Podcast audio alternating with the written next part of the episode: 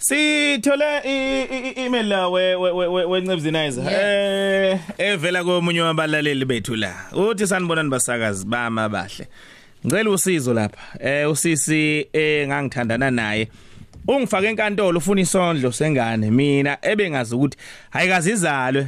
Wangitshela zimbili inyanga ukuthi uyithwele ngase ngimnikeza ke imali eh yokuthi aye ndawana thize ukuze ke ayohushula isisu.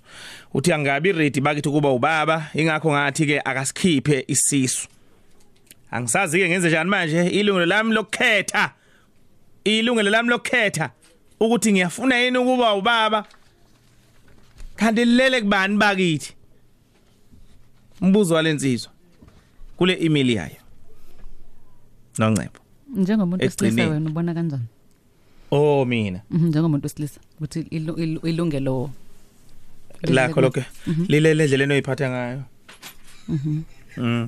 Impendulo yami nje leyo ilungelo lakho lokukhetha ukuthi uyakufuna uba ubaba noma cha lilele endleleni osiphatha ngayo. Ngoba ngiyacabanga Kuphela ukuthi um- umuntu onga- ongakafisi ukuthi abe umzali ngabe wesifazane noma wesilisa eh zikhona indlela e- ez- ezinye uhulumeni wavele wazenza walula Yeah. nje wayifaka nasema bathroom awu eh lezi ezidinga mawe emtholampilo zimahala eh kukuningi ongakwenza ngoba ngicabanga ukuthi sekuwokunye ke manje mawusuzonikeza omunye umuntu um- umyalelo ngi- yenza ukuthi ngoba mina benga wena bungenza ingane lokho kusemandleni akho? Ngoba Ah, usufuna ukulawula omunye umuntu manje ubungasilawula ingane wena? Ngithi ngisho ethina ukuthi ang- angigudluki kule ngoba mina angifuni. Yeah. sesingamane singakwenzi. Manje usufuna ukulawula omunye Yabona. umuntu? Yeah ngoba ngeke uhambe ugiya nje. Bese uthi ha ukho ready kuba ubaba. Om- om- Yabo. omunye wathi efika ekhala etshela uma wakhe kwakuyintombazane ke leyo etshela uma wakhe ethi manje mana yini? Wayesekhulile sesebenza eh kwayisela ko 13 ethi mana eh kukanjena kukanje. Wathi makho uyakhala manje kwa- bekumnandi bekumnandi buka sebenzisa ngani into zakhona bekumnandi ungazongikhalela mina bekumnandi. Yeah. Bavele basho kanjalo komama. Yabona. So ke sikhulume nomlaleli wethu ke eh wazi nini ukuthi usokulungela kuba umzali? Wena njengomlaleli. Wazi nini ukuthi usokulungele ukuba umzali? Usukwabhekana nesimo esithi asifane neleselinsizwe besikhuluma ngayo. Ingabe umama noma ubaba namhlanje wadlula yini mhlambe esimene esithi asifane nalesi na? Mawuthi kunjalo khuluma nathi ke 0716136667 08080716136667 cishe ngasho inamba yami. Eh. Ikhiphe makhiphe ikhiphe. Busisa izwe nje. Busisa izwe nje kubesithathu uzobe khona ku- umphoka mlondo uadvocate ezobe sikhuluma naye ke loludaba eh olithinta ke eh, indaba elungelo lokuba lokukhetha kuba nengane noma kuba umzali uthi kusuke sekunini la khona kufanele. Noma kumiswa kanjani ngokomthetho ezintweni njengalezi uzohluba ke udlube ekhasini ubeke indlebe. Umbuzo uthi wazi nini ukuthi usu ready kuba umzali? Wakwabhekana nesimo sokuthi uzithole uumzali ungakabi ready. Wakwabhekana nesimo sokuthi umtshela umuntu uthi cha angikathandi mina ukuba umzali kodwa umuntu yena akwenza umzali wena ungakabi ready. 0716136667 728 ATV Eh ngibingelele basakazi, ngibingelele nabalaleli. Mfamlondo eh nayi indaba la eh ngaphambi ukuthi sithole nje mhlawumbe ukuphawula kwabalali bethu ake siqale size kuwena njengo njengosazi imithetho eh ngaphambi ukuthi eh mhlambe noma awusichazele ngendaba ethinta ukuhushula ukuhushulwa kwesiso abortion U- umthetho uhamba kanjani Ukuhushulwa kwezisu eh, ngabesifazane ku kushicilelwe emthethweni obizwa ngeChoice on eh, Termination of Pregnancy Act. Eh umuntu wesifazane uvumelekile ukuthi enze isinqumo and lesi sinqumo usenza yedwa. Eh ukuthi asihushule isisu eh ku 13 weeks noma ngaphansi ng- ng- anganikeza isizathu. isinqumo asenza yedwa ubaba ay- akahilelekile lapho isinqumo asenza yedwa ngenxa yokuthi umzimba wakhe e, ilungelo lishicilelwe kulomthetho ade ngikhuluma na- ngawo nakumthetho sisekelo Um- uma beshadile? Eh uma beshadile bayakwazi uku uku discussa ukuthi ba- ba- babonisane kodwa basuke bebonisana still umzimba though womuntu wesifazane umthetho usho njalo. Uma bengashadile asikho nesidingo sokubonisana? Eh bangabonisana uma bekhetha kodwa owesifazane unalo ilungelo elishicilelwe kulomthetho bengikhuluma ngawo no- no- nomthetho sisekelo okay.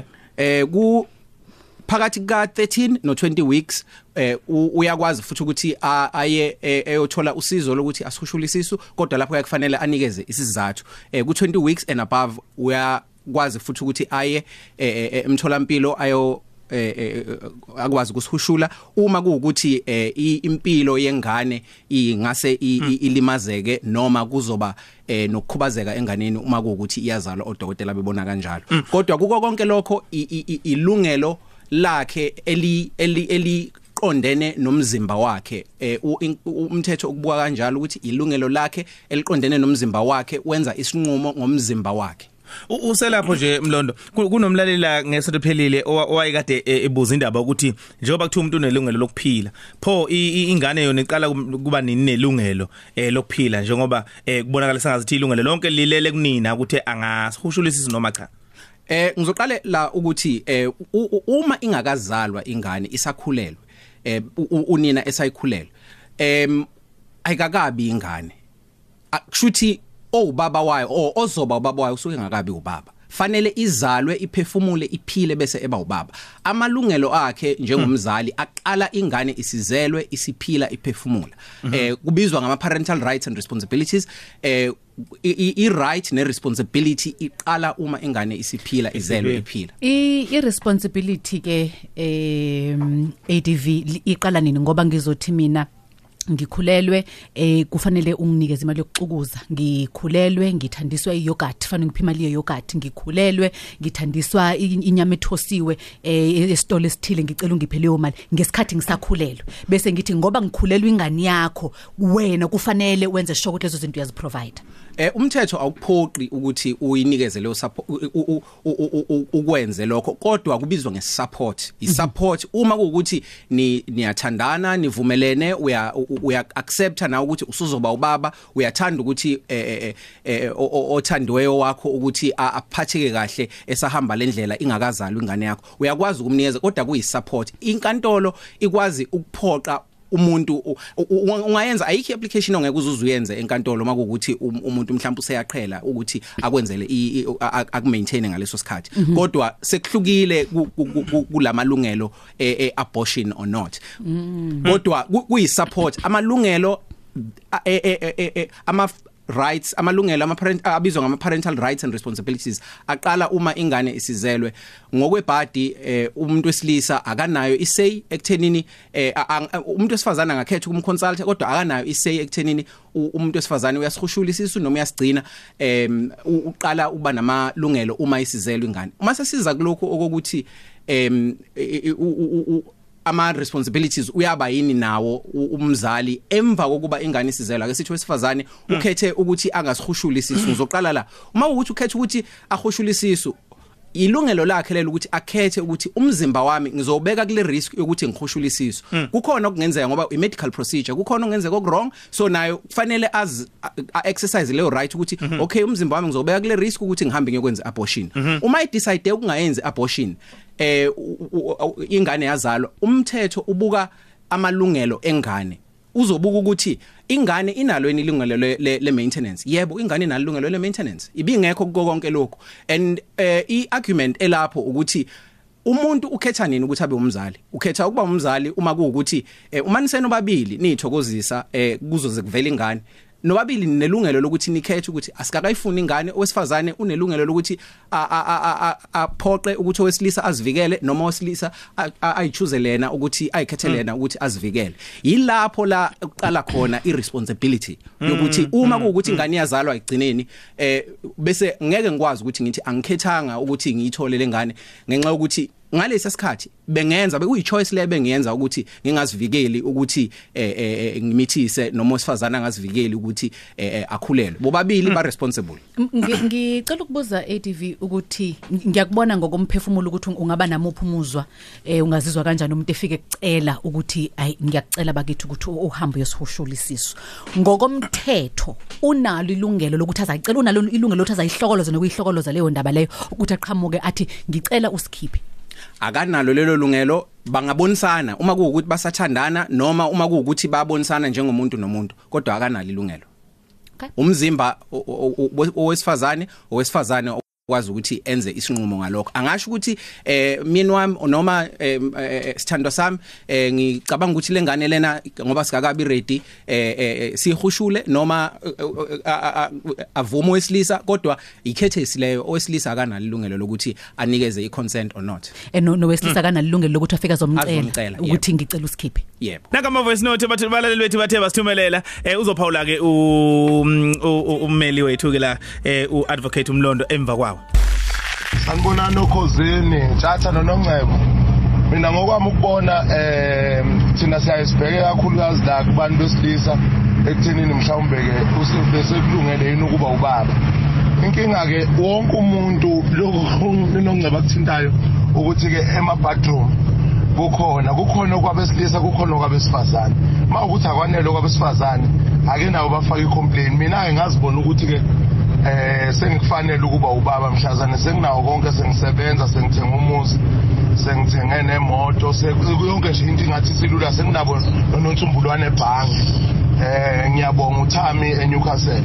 Sanibonani nasakazi mina ngunombuso ngihlala emlazi. Nginabantwana abawu2 oqalo ka2010 ngize ngaqala nje ukuba ready ukuba umzali ngoba sekhona umntwana. Ngabe sengiyaziprepare ukuthi no fanele ngibe umzali emntwaneni manje sebawu2 ngomzali nje futhi nje ngithanda kabi ukuba umzali einganeni zami. Angifisi ukuthi mhlawumbe into e- e- e- engingayipha omunye umuntu ukuthi mhlawumbe angiphathele zona. Ku right kona nje nje ngike ngizidlalela nabo ngizikhulisela mina bona. Ku right nje kakhulu ah, angiyisoli Eh sawubona noNcebo noTshatha. Kahle kahle eh ukuba nengane awukhethi unless njengamanje sekufundiwe sekuyafundiswa nangabe ezikolweni sekunama family planning and all that. Mina ngithola umntwana ngisasemncane kakhulu kabi and bengazi eh, ukwazi kwethu besazi ukuthi abantwana beza ngama aeroplane up until ngize ngiba pregnant. And ubaba wa- washo ukuthi "Ey, mina angikho ready ukuba nomntwana and all that. Ngahlala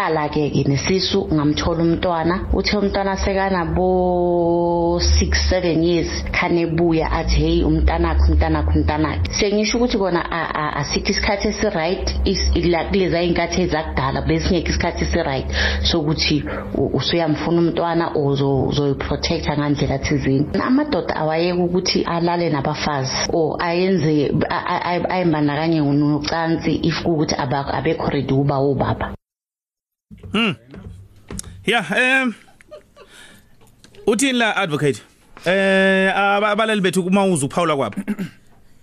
No eh eh, ngibonge Tjatha indlela abaphawula ngayo abal- abalaleli eh kubonakala engathi baya bayaqonda lokho besikhuluma ngakho ukuthi eh lo oyedwa nje lo wokugcina eh, okade esho ukuthi la umuntu wakhetha khona ukuthi eh u- uyafuna noma akafuni ukuba umzali ukhetha uma kuukuthi ingane isa iyokwenziwa. Emva kokuba ingane siyenzekile eh umama ilapho abakhona nokuthi amalungelo abayahlukana umama ilapho abakhona nelungelo lokukhetha ilapho ilungelo lomuntu wesilisa elinqamuka khona ukuthi angakhethisa until ingane izalo bese kuba ukuthi banamalungelo alinganayo. Ngezwakala ustandebele eLime Hill uthi eh umthetho uyawumise kanjani uma ngabe eh, umuntu ezofike athi kimi eh ukhulelwe? Mhlawumbe emva kwamasonto amabili bese siyaxabana.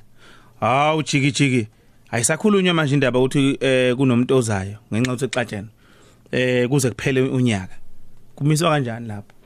Uma kuukuthi egcineni ingane igcina izaliwe lokho akukumisi ukuthi ingane izaliwe ingane eyakho ingane namalungelo ingane nelungelo le maintenance eh nokuthi ikwazi ukuthi ibe nomzali wena uyisupport njengomzali wayo. Lokho uma kuhlanakezelwe eh uma kuukuthi nje mm, mm, ake ngenze isibonelo ukuthi eh, izalo ingane kanjalo niqabane ubaba ayihambele ayele endaweni zakhe akhethe ukuthi angizukuba sempilweni yengane umama ngamhluphi iphele iminyaka mhlambe ewu ewu 10 ewu12 eh ubaba emva ka 12 years acabanga ukuthi hey uyazi nganginengane endaweni ukuthi ngiyafisa ukuyimbandakanya empilweni yengane yami. Uyakwazi ukuthi eh, unalo ilungelo lokuthi abe umzali eh, emva kwalokho. Inkantolo uma kuukuthi kiwe enkantolo inkantolo iyokuthola ukuthi eh kuyifanele ingane kuyi best interest yengane ukuthi ibe nayo ubaba. Ubaba unalo ilungelo lokuthi akwazi ukuyibona ingane yakhe nokuthi ayisupporte Okay. and isupport uyena naye uma kuukuthi mhlawumbe ubaba wathatha isinqumo eh wathi cha ay- angifisi ukuthi ngibe ingcenye lempilo lengane bengingayihlelele mina lokho bengingathandi bengingafisi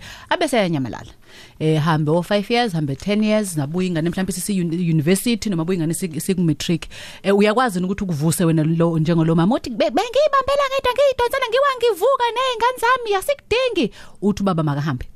Em lokho kukabili. Ingane makuwukuthi si reach i majority si ngaphezulu kanya u18 iyakwazi ukuthi ikhethele yona ukuthi yamdinga ubaba wayo empilweni yayo noma cha. Uma kuwukuthi ise minor ingane eh again u- umzali umthetho the best interest yengane umthetho uthi i best interest yengane i- ukuthi ingane ibadinga bobabili abazali. Uma kuwukuthi bayaphikisana bayadonsisana baze bagcine beyenkantolo enkantolo inkantolo izothola ukuthi i best interest yengane ukuthi badinga bobabili abazali bayo eh u- u- ubaba unalo ilungelo lokuthi abe ubaba.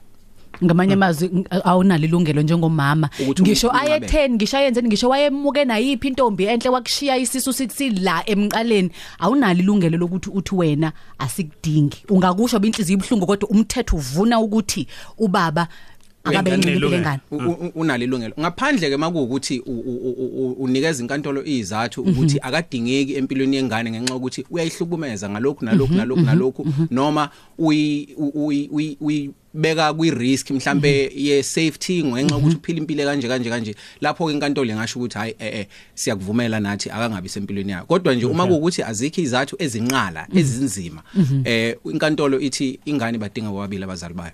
Okay. Formlan sibakhulu umntaka baba. Eh siyabonga. Sikufisela sokoluhle kuhlale kunjabulo ukukhuluma nawe. Usicacisela kabanzi ngomthetho. kubonga nami All right futhi.